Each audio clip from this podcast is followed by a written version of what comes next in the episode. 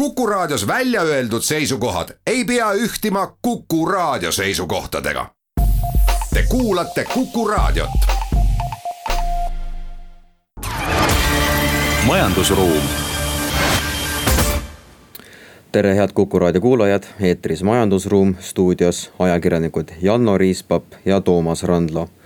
räägime täna rahandusministeeriumi kevadprognoosist, äh, USA üleskutsest kehtestada ettevõtte tulumaksule ülemaailmne miinimummäär. aga ka kiipide ja pooljuhtide defitsiidist, mis tehnoloogia ja autotööstusi pitsitab. saate teises pooles on külas Circle K Eesti peadirektor ja tööandjate keskliidu volikogu esinaine Kai Realo, kellega tuleb juttu aktsiisipoliitikast, aga ka uuendusmahukatest ettevõtetest. no esmaspäeval siis rahandusministeerium avaldas äh, kevadise prognoosi äh, midagi otseselt väga üllatavat seal ei olnud, et meil äh, eelarve jääb defitsiiti aastateks. pisut siin korrigeeriti numbreid seoses sellega, et meil see möödunud aasta majanduslangus oli võib-olla oodatust väiksem mistõttu siis see aasta võib-olla on see kasv äh, ka äh, võrreldes äh, varem prognoosituga väiksem. aga üldises plaanis nähakse siis ikkagi, et sügisel peaks hakkama juba kriisieelsele tasemele siis majandus taastuma. jah, kogu prognoos on siin tehtud peamiselt selle põhjalt, et koroonakriisi koroonakriis hakkab äh, leevenduma ja, ja noh, loomulik eel, loomulikult eeldusel, et, et kõik vaktsineerimine jätkub või läheb heas tempos edasi, siis äh, tõesti see prognoos on optimistlik ja, ja jah, ja nagu sa ka mainisid, et. et ja kui siin ka mõned kuulajad veel mäletavad, et sügisel räägiti siin enam kui neljaprotsendisest majanduskasvust ja, ja nüüd räägitakse kahe koma viiest, siis. Äh, see just tähendab pigem positiivses mõttes seda, et eelmise aasta langus oli prognoositust väiksem ja, ja see mõjutab ka selle aasta kasvu siis. et kui oleks olnud sügavam põhi, siis loomulikult seal tuleks kiirem, kiirem taastumine.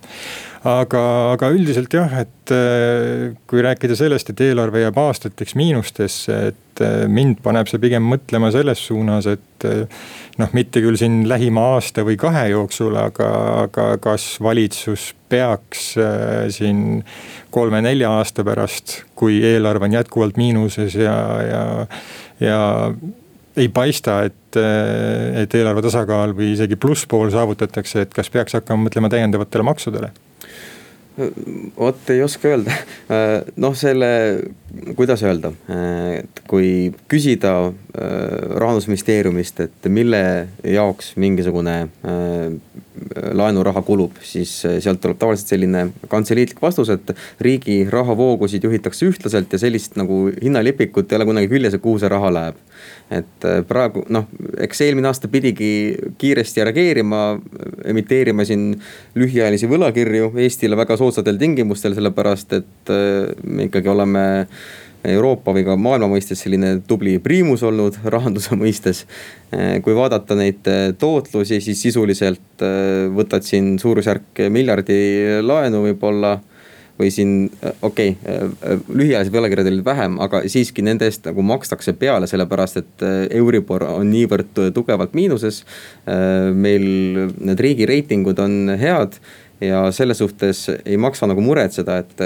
et kui meil tõusebki võib-olla siin mõne aasta taguse kaheksa protsendi pealt see võlakoormus siin noh, kolmekümne protsendi alla. siis nagu on ka siin äh, Indrek Neivelt võib-olla kõige häälekamalt märku andnud, et äkki ongi mõistlik, et maksame neid intresse. kui me üldse maksame, kas hästi madalaid intresse või meile makstakse isegi võib-olla kohati peale, et võib-olla Äh, sellel äh, momendil, kui meil majandus on täielikult sellest koroonapandeemiast taastunud, võib-olla ongi mõistlik lihtsalt äh, seda olemasolevat võlakoormust siis nii-öelda refinantseerida ja juhtima hakata. nojah, siin nagu noh, nagu sa ütlesid, me oleme olnud tubli, tubli priimus, aga kui me siin jääme aastateks miinusesse, et siis me selle tubli priimuse staatusega kaotame ja, ja eks alati tuleb mõelda ka järgmiste kriiside peale, et, et okei okay,, tuleme siit koroonakriisist välja majandus, noh, inimestel on praegu hoiustel palju raha, see suunatakse kõik, läheb ilmselt majandusse ja, ja ilmselt maksutulu sellest võib-olla täiendavalt suureneb. Ja võib-olla läheb tõesti, läheb paremini ja eelarve miinus järgmistel aastatel on väiksem, kui, kui praegu arvatakse aga kui see ei peaks nii minema ja me ikkagi oleme siin aastaid miinuses, siis äh, ja isegi kui olukord läheb paremaks maailma majanduses, siis ühel hetkel tuleb see järgmine kriis ja, ja, ja siis äh, meil on võib-olla uuesti vaja võtta laenu ja siis me enam seda nii headel tingimustel ei saa mm. -hmm. no kui piltlikult öelda, siis siin võiks mõelda ka selle peale, et me ikkagi oleme selline kaasreisija selles suures ja toredas euroala bussis, eks ole. et äh, kui ikkagi Lõuna-Euroopa juba ägas ikkagi enda võlakoormuse all enne kriisi ja nüüd äh, peavad paratamatult sarnaselt muu maailmaga samuti siis reageerima, et ma arvan, et intressimäärad jäävad negatiivseks pigem pikemaks ajaks, kui me just äh, ei, ei taha seal lõuna pool väga suuri ohvreid tuua nii-öelda ja selles suhtes ongi hea, et kui mõelda, et Eesti saab Ühendkuningriigist näiteks äh, odavamat laenu, kuna Ühendkuningriigi nael on, selles mõttes on tegemist ikkagi perifeeriaga, kui utreerida et äh, ma jah, et siin võib-olla ka see dogma olnud, et meil see eelarve tasakaal ja nii edasi, et krooni ajal ta oli täiesti mõistetav, sellepärast et siis noh, ega keegi sul antigi laenu eurodes ja siis siin oli ka oma valuuta puhul see devalveerimise mingisugune potentsiaalne oht ja nii edasi, et. et võib-olla sellest dogmast kuidagi peab natukene nagu äh, lahti saama, et see riigi võlg ja nutikas investeerimine ju ei ole alati paha nojah, kui siin äh, veel keskenduda sellele aastale, siis ilmselt, mis äh, täiendava stiimuli toob majandusse, on äh, sügis ja, ja, ja see, et mis meil siin sada, sada viiskümmend tuhat inimest lang-, lahkub teisest pensionisambast, võtab oma raha sealt välja ja, ja arvestades seda, kui palju kriisi ajal siin ka noh, võtame siis viimase aasta jooksul inimestel on säästud kasvanud vähemalt mingil osal elanikkonnast. ja kui need nüüd siin sügisel suunatakse, noh eeldusel, kui majandus avaneb, suunatakse tagasi majandusse, siis tegelikult selle aasta väljavaated võivad veelgi paraneda, et äh, just kui me võt-, mõtleme siin ka maksulaekumise poolelt, et inimesed võib oletada, et hakkavad siin kinnisvara ostma veel aktiivsemalt sügisel ja, ja, ja noh reisimine ja, ja mis iganes muu meelelahutuse tarbimine, kui,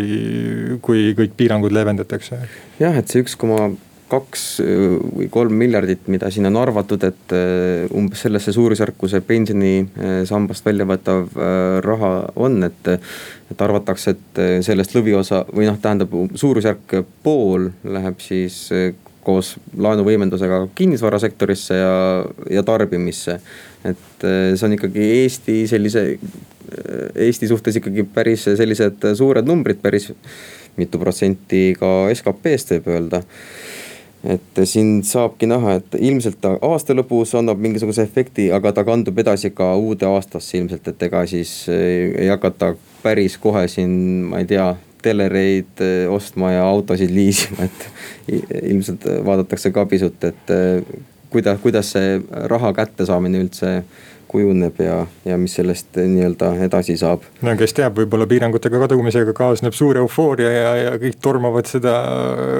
endale neid uusi telekaid ostma või uusi kortereid ostma. jah, see on ka tõsi, et seoses pandeemiaga pole inimestel olnud võimalust väga palju kulutada, et nii ettevõtete kui ka eraisikute hoiused on päris tublisti kasvanud ja selline nii-öelda Äh, suur nõudlus või soov seda kulutada, et kui see äh, paisu tagant saab lahti koos äh, pensionireformi rahadega, et siis võib tekitada küll sellise pisut buumilaadse sellise situatsiooni. aga teeme siit väikese pausi ja jätkame pärast seda. majandusruum jätkame saatega stuudios ajakirjanikud Janno Riispap ja Toomas Randlo Äh, esmaspäeval tuli siis USA rahandusminister Janet Yellen välja mõttega, et võiks äh, ülemaailmselt, äh, ülemaailmselt kokku leppida ettevõtte tulumaksu sellises minimaalses määras. et oled sa nagu jõudnud mõelda, et mis selle ettepaneku eesmärk või sisu võib olla? no mina näen siin põhiliselt äh, seda põhjust selles, et USA tahab tõsta makse. sest nad plaanivad seal suurt infrastruktuuriprojekti, mille hinnaks kujuneb seal kaks või enam triljonit dollarit ja, ja noh, kuskilt on vaja see raha leida ja, ja siis on vaja leida see noh, ühe variandina nähaksegi, et Eh, ettevõtetelt seda koguda. aga mis juhtub, kui sa ettevõtjaid maksustad, ettevõtjad tahavad minna teistesse riikidesse. ja, ja, või lähevad kuskile maksuparadiisidesse, et eh, kus nad ei pea nii palju maksma. ja noh, loomulikult nüüd USA huvides on see, et eh, oleks ju tore, kui kõigil on sama maks, et siis ei saa, siis need ettevõtjad ei lähe USA-st minema. aga, aga noh, ma ei tea, see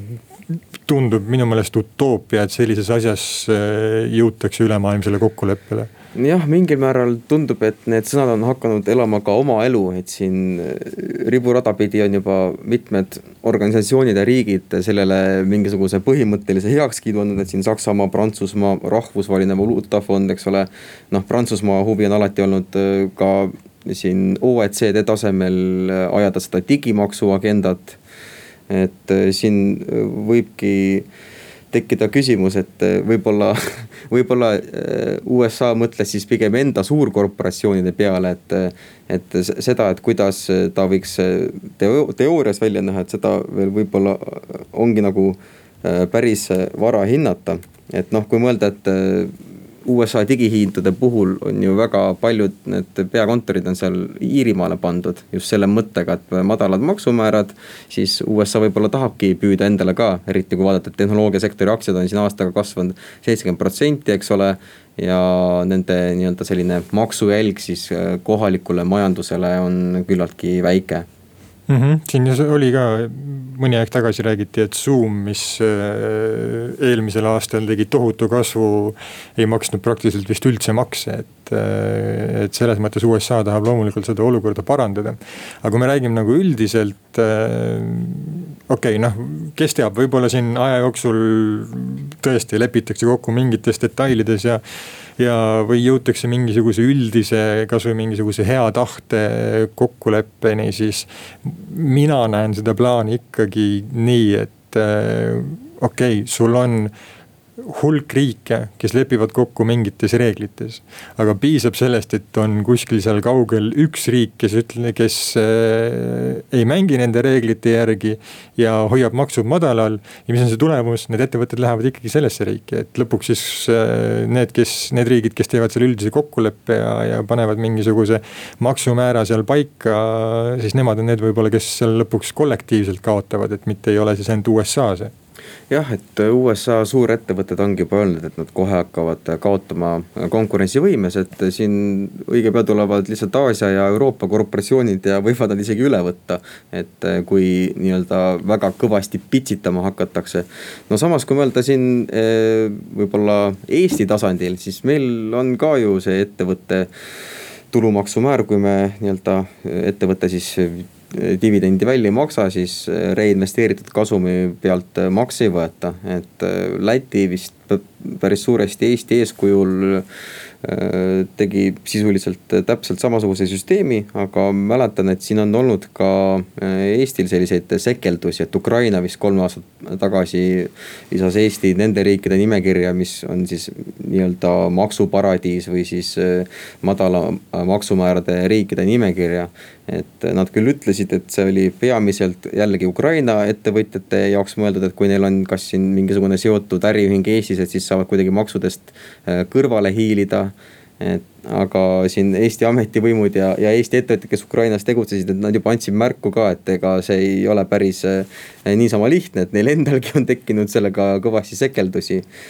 Aga noh, eks Eestit päästiski võib-olla see, et kuna me oleme siin Euroopa Liidu ja NATO liige ja noh selline Ukraina pigem eh, häälekas toetaja olnud, siis võib-olla sellise geopoliitilise olukorra tõttu me sealt ikka, see oli vist päevade küsimus, ma mäletan, välisminister oli vist toona Sven Mikser. et äh, sai hästi kiiresti sealt minema, hästi palju selgitustööd muidugi, et, et meie maksusüsteem pole selline, et me saame siin kuidagi äh, kõrvale hiilida või peita, et kõik on avalik, aga lihtsalt kui sa teatud, et me olemegi enda konkurentsivõime äh, tagamiseks teinud sellise süsteemi, et kui me kasumit välja ei võta, siis nii kaua me dividendi ei maksa aga eks saabki näha, et kui, kui siin põhimõtteliselt, põhimõtteliselt on ikkagi päris paljud suured mõjukad riigid ja organisatsioonid öelnud, et seda mõtet peab väga tõsiselt äh, kaaluma, siis ilmselt kuidas see idee või mingisugune kavand hakkab välja rulluma, et sellest peaks ka juba lähiajal nagu nii-öelda teada saama kindlasti see Ukraina otsus oli jah küsitav, et äh, ma ei ole kindel küll, kas Eestis keegi näeb meid maksuparadiisina, lihtsalt Eestis on noh, ma ütleks selline ratsionaalne äh, maksusüsteem, aga mis puudutab veel seda USA ettepanekut, siis üldiselt äh, noh, ma arvan ikkagi, et see on iseenesest see oleks muidugi tore, kui selline, selline üldine kokkulepe oleks või üldised reeglid oleks sest äh, need suurkorporatsioonid, ei ole ju väga hea, et need suurkorporatsioonid maksudest kõrvale hiilivad. aga lihtsalt ma arvangi, et sellise kokkuleppe saavutamine või selliste reeglite paikapanemine, eriti globaalselt, äh, ma ei näe seda lihtsalt juhtumas. jah, et pandeemia ajal on tõusetunud ka see küsimus, et kas on õiglane, et äh, tehnoloogia hiiud õieti makse ei maksa, aga võlakoormused riikidele kasvavad hüppeliselt. aga kui tuu-, tulla veel äh, selle juurde, et äh, meil on ülemaailmne pandeemia, tarneahelad on äh, häiritud, siis sellega seoses on tugevalt tekkinud ka pooljuhtide, semikonduktorite ja kiipide defitsiit. et oskad sa täpsemalt öelda, et kui pikalt see nüüd kestnud on ja millal see hakkas? see kiipide defitsiit on selline noh, esiteks tegemist ei ole üldsegi väga atraktiivse teemaga.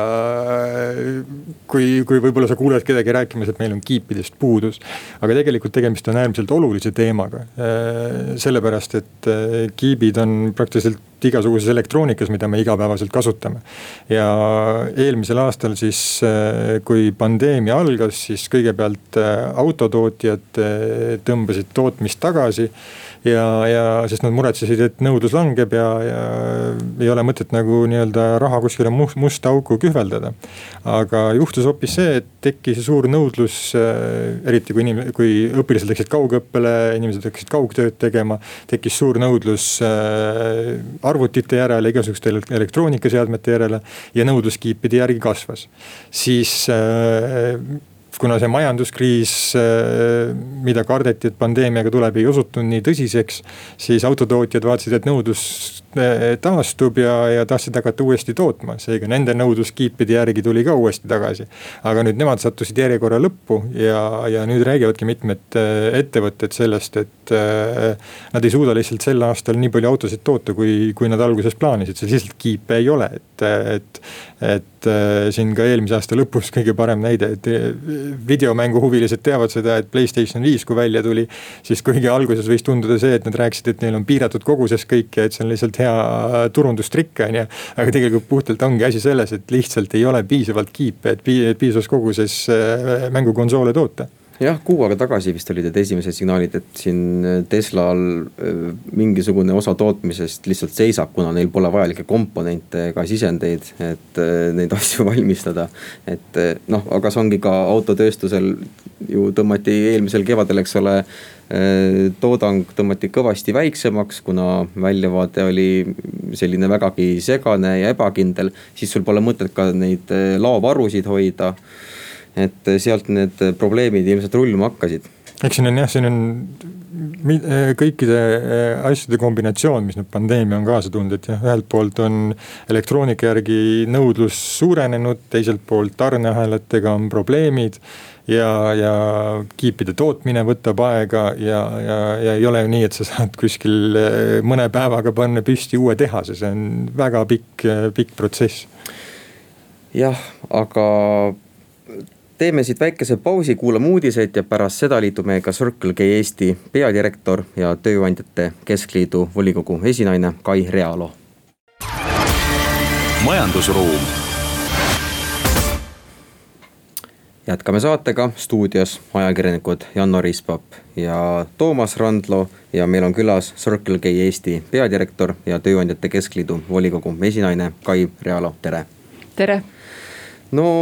valitsus andis siin esmaspäeval signaali, et see ajutine kriisimeede, diisliaktsiisi langetamine kahekümne viie protsendi võrra, et see nüüd jääbki senisel kujul jõusse ja seda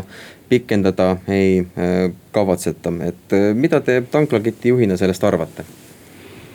jah, eks siin on kahetised, võib-olla Tööandjate Keskliidu juhina ma ütlen, et äh, kriisimeetmed ongi selleks, et nad kehtiksid kriisi ajal.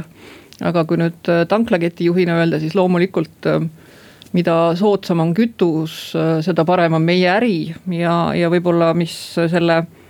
aktsiisi langetamise juures võib-olla see kõige valulisem on, et iseenesest aktsiis võib olla, milline riik just tahab. et see oleks, aga, aga mis teeb selle keeruliseks, on see, et me ei, elame Euroopa Liidus, riigipiirid on avatud. ja selline Euroopa üks kõrgemaid diisliaktsiise, mis meil siis kehtis enne seda langetust, tõi kaasa selle, et aastate jooksul liikus ära kolmsada miljonit liitrit kütust Eestist äh, lihtsalt äh, Lätti ja Leetu, peamiselt Lätti ja mis selle juures siis võib-olla see kõige kurbloolisem on, et äh, see kütus ostetakse sealt, aga seda tarbitakse ikkagi Eestis, ehk et, ehk et selles mõttes kõik selle maanteede kulumise saame me endale Eestisse, aga see aktsiis siis nii-öelda jääb Lätti. ja lisaks siis loomulikult ka see õhusaaste, et diislikütus ikkagi kahtlemata ei ole päris ilma CO2 heitmeta mhm. kas Circle on mingisugust äh, statistikat ka, et noh, tegutsete ka Lätis ja Leedus, et võib-olla siin Eesti äriklientide äh, kuidagi kütusekaartide või tankimiste pealt näete, et kui palju siin näiteks viimase aasta jooksul tuli neid tankimisi Eestisse tagasi? noh, keskmiselt võib öelda, et kogu turu osas vahemikku jääb sinna kuskil umbes viisteist protsenti diislikütusest võib-olla tuli Eestisse tagasi nüüd riburada pidi Lätist ennekõike sest noh, Leedu on natukene teine juhtum, et kui sa ikkagi tegeled rahvusvahelise transiitveoga, siis sa tangid ikkagi mõistlikus asukohas, enne kui sa siis lahkud siit äh, soodsamast piirkonnast ja, ja ei ole ju võimalik äh, võtta Eestis paagid täis ja siis loota, et sa vead välja sinna, kuhu sa siis välja pead jõudma, et jah, et möödunud aastal mäletan, et siin äh, alates kevadest kuni sügiseni välja oli kahe asja koosmõju, esiteks oli madalam diisliaktsiis ja teiseks äh, oli ka siis maailmaturu hinnad olid madalad, et see hind oli siin põhimõtteliselt kivisse raiutud äh, null koma üks senti alla euro siin pool aastat. et kui me nüüd võtame tänased nii-öelda hinnad, et siis milline Äh, milline võiks olla diisli hind äh, võib-olla aasta pärast, kui siin äh, taastub see kriisieelne tase? seda on väga keeruline spekuleerida, et kütusehindades, ütleme naftas ennekõike on, on ikkagi väga palju seda mõju on spekulatsioonidel ehk et me oleme näinud siin juba ka selle aasta jooksul korduvalt sellist optimismi, et nüüd kohe-kohe koroona on üle kohe,, kohe-kohe läheb elu ilusaks, kõik hakkavad tarbima, siis vaimustus läheb üle, hinnad jälle tõusevad nii et, et selles mõttes sellist oraaklit teha, et öelda, et mis ta järgmine aasta on, seda on keeruline öelda. ja võib-olla isegi rohkem mõjutavad ka igasugused piirangud, et siin, kui see laev oli risti siin Suessi kanalis, siis kahtlemata oli ka sellel just lõpptootele oma mõju, et et ligipääsud olid keerulised, teatud riikidel lõppes varud üldse otsa, ehk et kütuse hind ja nafta hind, ma olen alati öelnud, et kui sellele keegi pihta saaks, siis ma arvan, et meil oleks palju rohkem neid miljonäre kuidas praegu viimase aasta jooksul muidu on olnud, et eh, kui eelmine aasta eriolukord eh, kehtestati, siis loomulikult inimesed sõitsid palju vähem autodega ja mm, -hmm. ja mhm. kütust tangiti vähem. aga nüüd, kuidas see viimase aasta jooksul on, kas see tarbimine on järjest või nõudlus järjest rohkem üles liikunud või on ta kuskil seisma jäänud või? No siin on väga suur erinevus selles, et kuidas käitub eraklient ja kuidas käitub äriklient, et äh, võib-olla eelmine kevad oli kõige keerulisem, oligi just äh, märts-aprill, osa ka maikuust, siis tegelikult seisis kõik, sest et äh, see paanika oli niivõrd suur, et ka paljud ärikliendid ei olnud leidnud veel seda arusaama, et kas äriga jätkata ja mismoodi. Et äriklientide poole pealt on olnud stabiilne, et selline korralik kasv on olnud just tänu sellele, et see aktsiis on madalam kliendid tangivad Eestis Läti asemel. aga eraklientidel muidugi väga suur mõju on kogu koroonal tervikuna, ehk et kodukontorid aga kõige suurema põntsu paneb ikkagi see, et kui lapsed koju jäetakse, et äh, ma arvan, et pool Eesti see liialdus loomulikult, aga hästi palju logistikast ja ringi sõitmisest tuleb tegelikult laste logistikast, see on isegi minu jaoks väga üllatav arusaamine aga kui te võrdlete praegu Circle K käivet äh, enne pandeemiat ja praegu, siis milline on see muutus olnud? käive on keeruline, käivet me ei saa võrrelda, sest et äh, kütusemüüjana meie selles käibes on liiga palju seda omahinna üles-alla käimist ja, ja kõiki neid äh, maksude erinevusi, et kui me võrdleme siin kütuseliitreid, siis me võime öelda, et eratarbimises on, on loomulikult langus, aga ärikliendid kompenseerivad selle languse ära. et selles mõttes me oleme hetkel plussis liitrite müügis. kas see langus on teil kuidagi personalipoliitikale ka mõju avaldanud, et olete pidanud palku kärpima, inimesi koondama? meil õnneks ei ole olnud vajadust äh, inimesi koondada ega ka palku kärpida, et meil isegi toimus palgatõus. Äh, vaatamata sellele, et on keerulised ajad, sest et äh, kontsern ikkagi leidis, et äh, esmatasandi töötajate jaoks on see äärmiselt oluline, et neid väärtustatakse mis meid on aidanud, noh halvasti kõlab, et aidanud, aga, aga kuna ikkagi koroona olukorras neid lähikontaktseid on hästi palju. sest et igaüks saab selle mitte ainult töö juurest, vaid oma kodust, äh, siin on inimesi massiliselt olnud haiguslehtedel tänu sellele lähikontaktseks olemisele, vahel on isegi keeruline jaamu lahti hoida sellepärast et kui sa ikkagi saad teada, et nüüd äh, ma ei tea, kolm-neli inimest ühest jaamast peavad jääma lähikontaktsena koju kümneks päevaks, siis äh, keere, leida neid asendajaid on keeruline. nii et, et tänu sellistele mm, nii-öelda lähikontaktsete haiguslehtedele võib-olla võib öelda, et me oleme ennast säästnud sellisest kõige keerulisemast äh, nii-öelda inimestega seotud olukorrast. sellest tulenevalt eeldan, et olete ka valitsusele kindlasti märku andnud, et teie töötajad saaksid vaktsiine oo oh jaa, loomulikult me oleme siin mitu ringi neid äh, nimekirju koostanud ja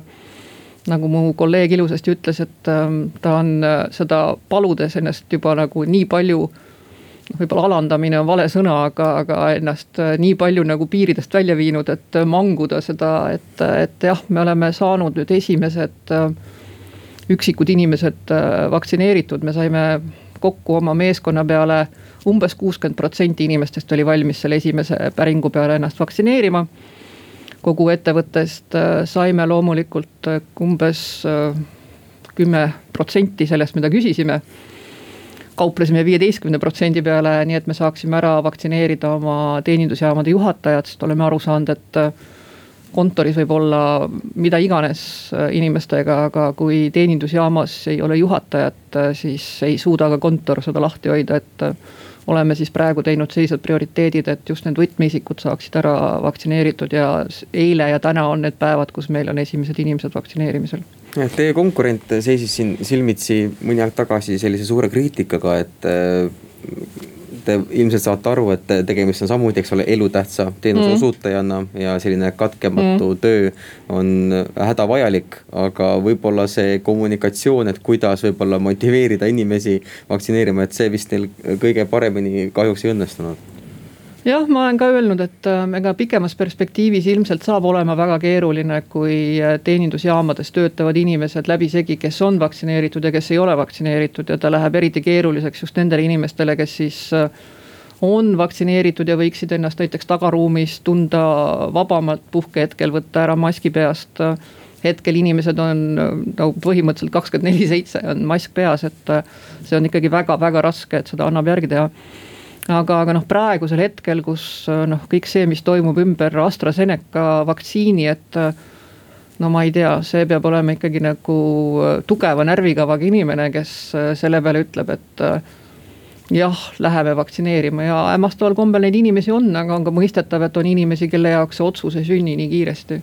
et kas siin võib ka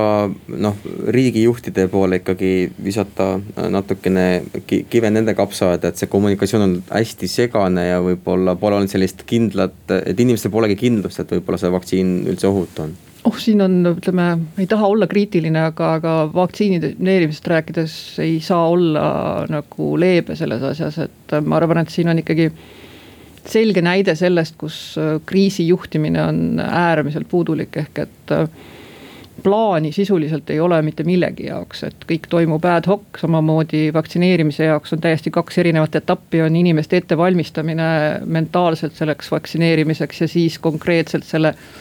vaktsineerimise läbiviimine, et äh, see on hetkel kõik ainult see, et meil ei ole täna vaktsiini, ärme sellest räägi, kuni meil seda vaktsiini on, siis kui meil see vaktsiin on olemas, siis öeldakse, et tahtsime parimat, läks nagu alati, et, et selles mõttes jah, me ise oleme oma ettevõttes näinud väga palju vaeva sellega, et nii eesti kui vene keeles äh, usaldusväärsete inimeste poolt maakeeles lahti seletada. Mida see tähendab, mis see vaktsiin on, kuidas see mõju avaldab, kuidas üle elada see, kui sul tekib mingisugune kõrvalnäht. et ta ei ole seotud su DNA muudatusega, et ja kõike muud ja kõike muud, et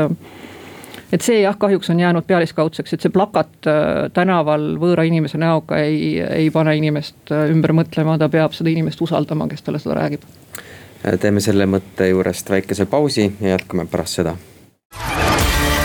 majandusruum jätkame saatega, stuudios ajakirjanikud Janno Riispap ja Toomas Randlo ja külas on ka Circle K Eesti peadirektor Kai Realo. no te olete ka Tööandjate Keskliidu volikogu esinaine ja siin mõni aeg tagasi tegite sellise äh, algatuse äh, ja asutasite teadusmahukate või siis uuendusmahukate ettevõtete klubi. mis asi see täpsemalt on? Noh, kõik sai alguse ikkagi sellest, et kui me vaatame seda Eesti nii-öelda mm, ettevõtlust, siis väga palju sellest on ikkagi sellist ebaefektiivset tegutsemist, et. et efektiivsemaks ja selliseks tootlikumaks saaks seda ikkagi muuta ainult siis, kui me kasutame uusi kaasaegseid töövõtteid. teeme asju nii-öelda mõistlikumalt ja kui sellele nagu mõelda, siis tekkis arusaamine, et sellist innovatsiooni äh, tõuget vajaksid väga paljud ettevõtted, et äh, suurtes ettevõtetes, ennekõike rahvusvahelistes on see innovatsioon ja teadus-arendustegevus nagu, nagu selles DNA-s ettevõttes juba olemas. aga väiksed ettevõtted ikkagi peamiselt püüavad ellu jääda sellise olen terve eluaeg nii teinud, äh, miks ma peaks seda muutma ennem kui vaja on, või siis teine asi, teen nii nagu teised ja, ja eesmärk on tegelikult väga lihtne, et äh, eesmärgiks on ikkagi ühel hetkel jõuda sinnamaani, et ettevõtlus investeerib teadus-arendustegevusse kaks protsenti SKP-st. noh, sinna on kõva maa minna, hetkel on ta kuskil null koma kaheksakümmend äh, millegagi protsenti aga neid ettevõtteid, kes ikkagi täna juba oma sellest käibest kaks protsenti panevad teadus-arendustegevusse, on ikkagi olemas ja nende siis nii-öelda koondamisega, see ongi see kahe protsendi klubi, et oled kaks protsenti või siis miljoni aastas pannud oma arendustegevusse, et, et koondada need ja nende siis abiga ja nende eeskujuga anda siis mõtteid ka teistele ettevõtetele, et kuidas seda teha, et kuidas seda kontakti, ma ei tea, teadusasutustega leida. kuidas ikkagi seda protsessi alustada, sest ta tegelikult ei ole lihtne, et see vastastikune huvi on lisa tulemas teinekord mm. -hmm. millised ettevõtted praeguseks selle algatusega liitunud on? hetkel ongi kaks äh, nii-öelda alustajaliiget, kuna see on tõesti nii värske, me kuulutasime seal alles nüüd äh, nädal-poolteist tagasi välja, et äh, hetkel on seal Chemi-Pharm ja Saku Metall aga, aga loomulikult hetkel liigume siis edasi ja, ja et eesmärk on siis panna ikkagi kokku selline vahva seltskond inimesi, kes siis saaks ka anda häid ideid teistele ettevõtjatele, kuidas seda teadus-arendustegevust oma ettevõttes siis teha äh, noh, te istute mingil määral kahel toolil, et kas Circle K ka liidu, liitub selle klubiga? noh, meie vist ei ole nagu otsene nagu ähm, sihtrühm nagu kahel mõttel, et ühest küljest me oleme nagu jaekaubandusettevõte, et me ise nii-öelda loome toodet äh, suhteliselt vähe oma töövõtteid saame muuta, seal tuleb siis mängu see kontserni äh, roll, et äh, kontsern uudab ja toodab äh, väga palju, aga, aga seda ikkagi tehakse tsentraalselt nii-öelda kontserni tipptasemel, nii et meie üsna paljuski võtame sealt üle, et selles mõttes Eesti mõttes me kindlasti ei pane sellises koguses teadus-arendustegevusse ja, ja ilmselt ei saa olema selle nii-öelda algatuse sihtrühmaks jah, et Eestis on räägitud küll sellest palju, et erasektori ja siis teaduse koostöö on selline lapsekingades. aga mõni võib-olla mõtlebki, et siin, et noh, kui erasektor tahab kuidagi rahastada mingisuguseid uuringuid, et siis võib-olla see teenib nende eh, huve ja agendat jah, ma arvan, et kõige suurem probleem on tegelikult nii, nagu kunagi oli IT-valdkonnaga, et ise kunagi õppinud IT-valdkonda, siis peamine probleem oli see, et IT-mehed mõtlesid ühtemoodi ja äri rääkis teistmoodi ja ei saadud üksteisest lihtsalt aru. et ma arvan, et see teadus- ja arendustegevuses on sama asi, et ärimehed on äärmiselt praktilised, äärmiselt nii-öelda rakenduslikud ja, ja, ja kõikvõimalikud teadlased jällegi on sellised pigem teoreetilised ja seal leida seda ühisosa selliselt, et äh, saadakse aru, et tegelikult aetakse ühte asja, aga, aga üks kirjeldab seda natuke teistmoodi. ma olen ise seda protsessi pealt näinud ja võin öelda, et see on võib-olla selline kõige suurem äh, väljakutse, panna inimesed äh, aru saama asjadest ühtemoodi jah, et kui võrrelda võib-olla Eestit nende riikidega, millised me ise tahaksime olla, et seal on ka nii riiklikul tasemel kui ka siis see erasektori koostöö teadusega on ikkagi suhtena SKP-sse tunduvalt kõrgem, et. ja noh, kui me ikkagi Põhjamaid vaatame, siis kahtlemata meil on, on kõvasti minna, et võiksime ka siin nendest Põhjamaadest tugevalt nagu eeskuju võtta jah, et kui eh, ka valitsuse või riigi tasemel sai siin eh, üsna suure surmaga nii-öelda selle ühe protsendi lõpuks kätte mm., mida oli aastaid lubatud, et eh, siis oleks võib-olla viimane aeg ka et võib-olla erasektor annab siin omapoolse tõuke. jah, me praegu olemegi otsustanud, et kaua me seda nii-öelda riigi poolt siis siuname, et, et teatud mõttes me peame ka iseenda poolt siis ettevõtluse poolt selle initsiatiivi algatama ja, ja see oligi nagu võib-olla selliseks nagu hea tahte märgiks, et meie ettevõtjatena lükkame enda poolt asja käima, et nüüd võiks ikkagi riik tulla ka enda poolt vastu ja, ja vaadata need investeeringud üle jah, et viimasel ajal on hästi palju räägitud rohe- ja digipöördest, et kuidas võiks näiteks kütusemüüjad või tanklaketid sellesse oma panuse anda? oo oh jaa, see rohepööre on üks vist kõige müstilisem äh, pööre üldse, et sellest on tõesti palju räägitud. Äh, vahepeal tuli nüüd koroona, siis ta pandi natukeseks ajaks varna. et selle rohepöörde juures on äh, tegelikult, kui me nüüd räägime tanklakettidest, siis noh, meie puhul on loomulikult üks suur osa on sellest, et milline on siis see taastuvenergia seadusandlus, kuidas ikkagi liikuda tibuda, riburada pidi siis sellistele mm, vähem saastavatele energiaallikatele siin on küll äh, Eesti teinud võib-olla sellise mm, arvutusliku jokk-skeemi, kus nagu ei, ei oodata, et igas kütuseliitris on äh, biokütuse osa sees, mis on toonud ka kaasa sellise tohutu skeptitsismi klientide poolt ja nii edasi. ehk et me näeme tohutut vaeva selleks, et neid eesmärke täita ja, ja ikkagi klientidele teenust pakkuda aga, aga teine pool on, ma arvan, et ikkagi meie tulevik nüüd kütusemüüjatena on see, et, et et tulevad peale uued äh, nii-öelda energialiigid. eratarbimises on see kahtlemata elekter, et äh, alles üks päev äh, vaadates oma vanematele potentsiaalset autot, siis avastasin, et et ega seda sihukest vanakooli bensu ja diisliautot ei olegi enam nii palju, kui, kui arvasin, et on hübriide ja on elektriautosid üllatavalt palju ka Eestis tornijatel müügil. ehk et elekter tuleb tugevalt peale, sellesse läheb väga palju investeeringuid ja, ja selle juures on võib-olla kõige keerulisem on see, et, et me ei tea, millal see klõps ära käib, et millal siis see kui nagu tõeliselt massidesse läheb see elektriauto ja, ja siin ongi siis küsimus, et kumb on enne muna või kana, et kas saab ennem autosid olla või peab ennem laadimisvõrk olema ja kui sa laadimisvõrgu teed, siis kindlasti. noh, see ei ole see, et, et täna panin äh, laadija ja homme ta teenib mulle nagu tohutult raha tagasi, et, et selles mõttes. Äh, elekter on üks variant, teine asi on see, et, et kuidas üldse oma jalajälge vähendada, et noh, ma arvan, et me oleme Eestis ikkagi jõudnud tehnoloogia tasemel sinnamaani, et me enam ei, ei reosta kütusega igasuguseid äh, loodusvarasid, et, et selles mõttes. Ähm, ja, ja kui me räägime poe poole pealt, siis kõik need pakendid, noh pakendid on ju, ma arvan, et äh, mul endal on alati väga piinlik, et kui ma lähen rabamatkale ja siis sa oled juba nagu tund-paar kõndinud ja siis äh, igal juhul leiad kuskilt raba, rabast veel ühe Circle K topsi ja siis kohvitopsi ja siis võib-olla meetri pärast ka Saku õllepudeli, et need kaks asja on rabamatkal nagu kindlasti leiud. Et need ma võtan alati kaasa, et aga, aga meie eesmärk on ikkagi nii, et need pakendid ühel hetkel oleksid täiesti keskkonnasõbralikud. Äh,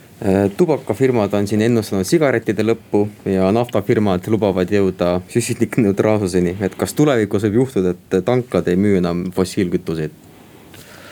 jah, nad võivad jõuda, ma arvan, et sellel läheb ikka väga palju aega, sest et ähm, Oslos, kus elektriautondus on nagu maailma kõige kiiremini arenenud, siis seal on meil juba tanklaid, mis ei ole enam tanklad selles mõttes, et nad on laadimisjaamad.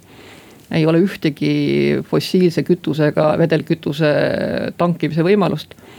aga, aga senikaua, kuni ei ole leitud midagi andekamat äh, transpordisõidukitele nagu ma ei tea, veokid ja muud, siis äh, kindlasti veel läheb aastaid, kui nad päris ära kaovad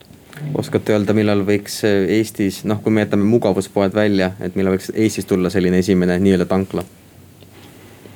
Ma ise arvan, et selline võib tulla kuskil, ma ei tea, praegu panen küll näpu kaardile täiesti suvaliselt, aga oletame, et näiteks kümne aasta pärast nii et umbes kümne aasta pärast võib siis eh, leida sellise tankla. ja küsime, et mis on tankla, et kas me teeme tänase ümber või me teeme lihtsalt mugavuspoe, kus enam tanklat juurde ei tule, ma arvan, et see võib isegi varem tulla, ma arvan, et isegi viie-seitsme aasta jooksul võib tulla mõni pood. aitäh, meil oli külas Kai Realo, kohtumiseni majandusruumis järgmisel nädalal. Majandusruum